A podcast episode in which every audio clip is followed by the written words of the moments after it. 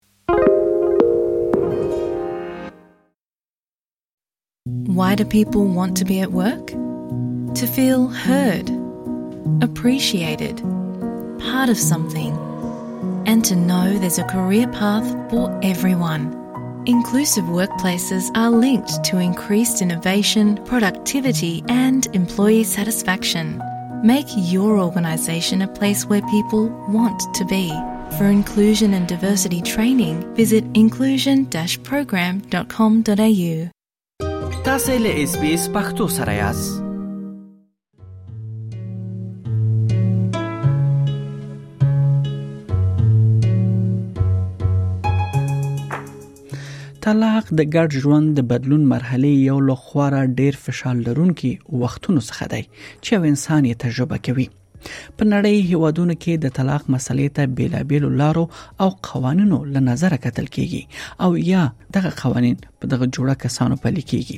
ول دلته په استرالیا کې تاسو ته دا مهمه ده تر څو پوه شئ چې طلاق وخت کې څه پیښیږي او محاکمه کې د طلاق شخړې حل لپاره څنګه لزرهاو ډالر ورکړ څخه تاسو بچ پاتې کیدای شئ استرالیا کې حقوقي سیستم د محاکمې ته تک څخه مخکې ترجیح ورکوي چې جوړه کسان چې له بل څخه طلاق اخلي خپل شخړې حل منځګړتوب لاره ومومي ځکه محاکمه ته تک دواړه کسانو لپاره ستر لګښتونه لري تاسو مو پر یاد مسلې لا ډیر معلومات راټول کړی دي او ریدو ته لمون سره اوسئ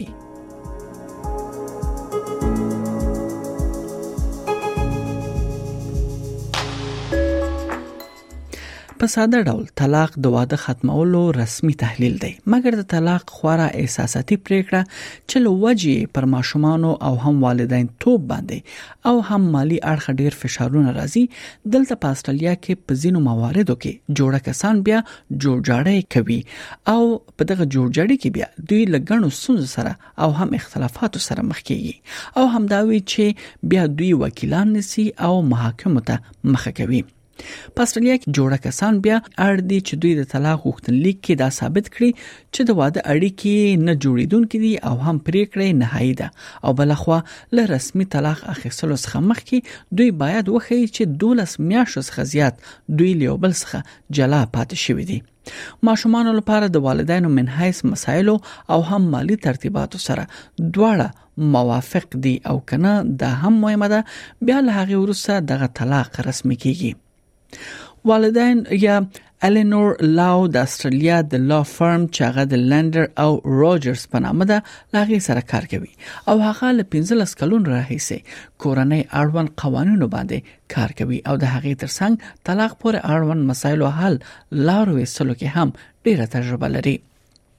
اغلی لا وای مخکې لدی چې طلاق اخیستونکي جوړه قانوني قضیه وړاندې کړي دوی باید لومړی د مور او پلار یا والدینو په توګه خپل ماشومانو سمبالښ او مالی مسلې په رسمي ډول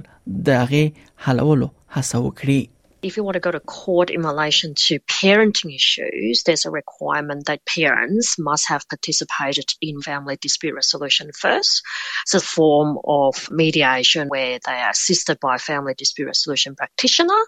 to see whether or not they could reach an agreement in relation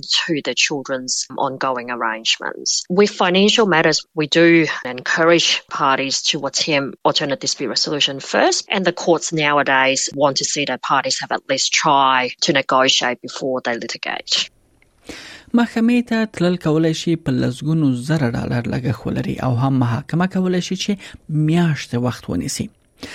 ویلری ټورن د 12 کلونو لپاره د کورنۍ شخړو د حل برخه کې متخصصه ده نو موري وای شمیرې خي چې په سلو کې 90 طلاق شوی جوړي محکمې ته لټلو پرته خپل شخړې په خپل حلوي د منځګړتوب هڅه کولو د مخه میرمن نورټن د بریالیتوب احتمال بیا ارزوي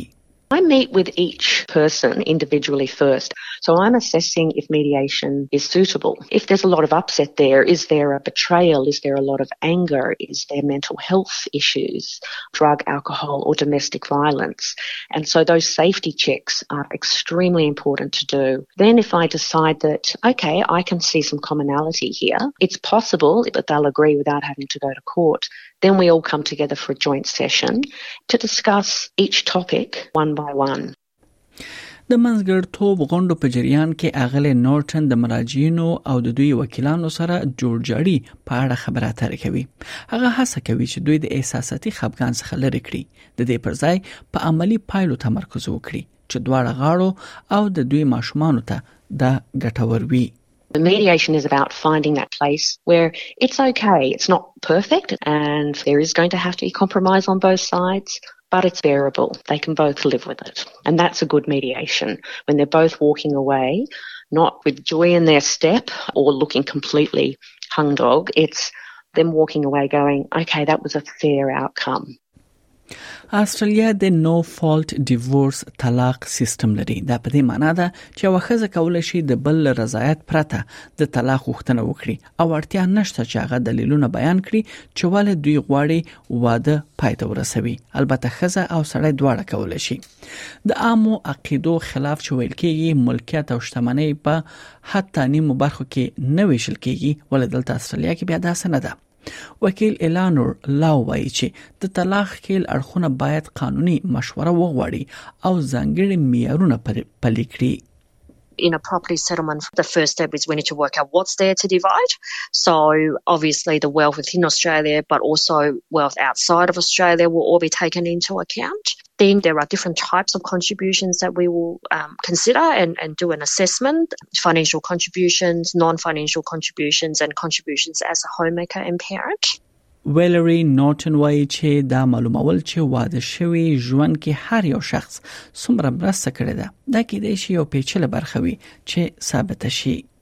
if one of you brought a million dollars into the relationship or the other one brought in debt, that's a consideration when you're separating. The second thing is your contributions during the relationship, and that's both financial and non financial. And that's not how much money you earned at work, because being a stay at home parent is considered equal to being a CEO who's on a million dollars a year. It's more about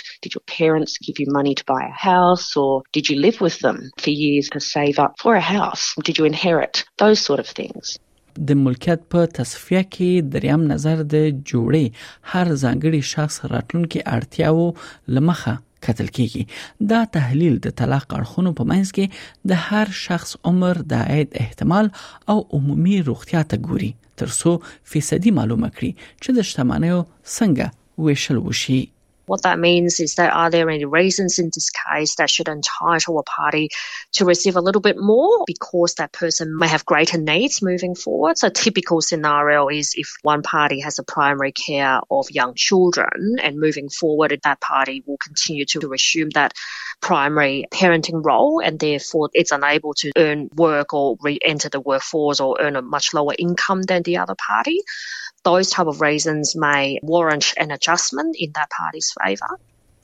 اړخونه کولای شي د کورنۍ شخړو د حل منځګړتوب په جریان کې مالي یا والدین مسولیتونو تړون ته هم ورسیږي وکیلان به اکثرا مراجعینو ته د دې پروسې د وی برخه په توګه مشوره ورکوي یا حتی په بحث کې برخه اخلي یو ځل چې قراردادونه پای ته ورسیږي پایله شوی اسناد په قانوني توګه د رضایت امر په توګه ثبت کیدای شي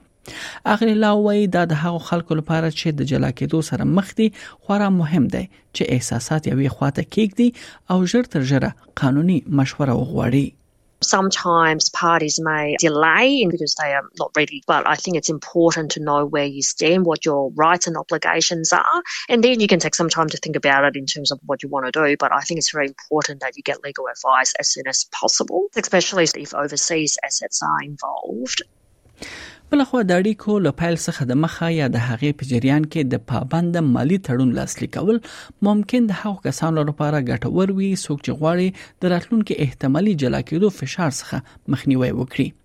پابند مالی تړونونه د ورسي حل په توګه کارول کېدای شي هغه خلک چې د پام وړ شتمنۍ نه لري او د شخصي وکیل یا منځګړتوب توان نه لري کولای شي د قانوني مرستې یا د ټولنې حقوقي مرکزونو څخه مشوره ترلاسه کړي دوی کولای شي ریلیشنشپس استرالیا سره هم اړیکه ونیسي چې دا د حکومت تمویل شوی خدماتو اداره ده کوم چې کولای شي له هغو کورنیو سره مرسته وکړي چې د محدود قانوني مشورې په ورکولو سره د جلا کېدو څخه دوی تیریږي او دوی د وړیا یا ټیټ لګښت منځګړتوبونو پوهانو او مشاورینو سره دوی اړتیا لري چې بیا دغه ریلیشنشپس استرالیا یې له هغو سره دوی نخلوي Relationships Australia مشر نیک تیبي دا تشریح going through a Relationships Australia type service can minimize a lot of the cost that you would otherwise incur by going to lawyers. Um, so obviously, if you can avoid paying all the legal fees that go along with going to court, then there's more money left to deal with all the other things that, that you want to deal with.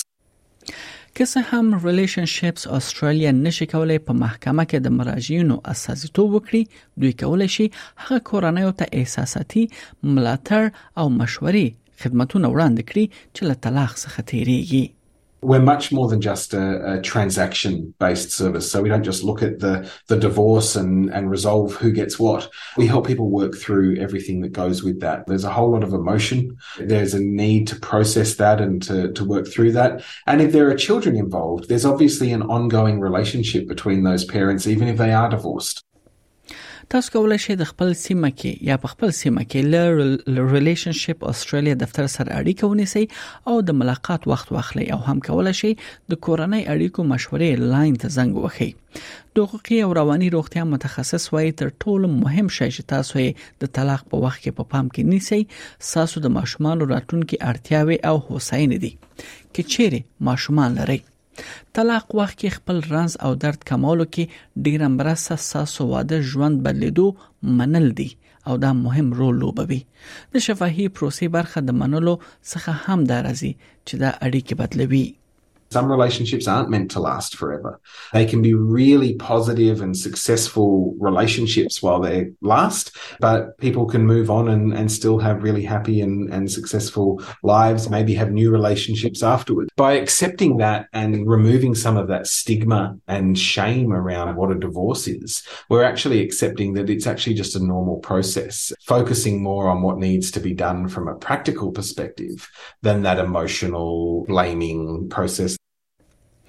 بله خوا احساساتو په برخه کې کې چیرې ملاتړ ته ضرورت لري نو یو درې یو یو او یو سلور شمیرې ته زنګ وخی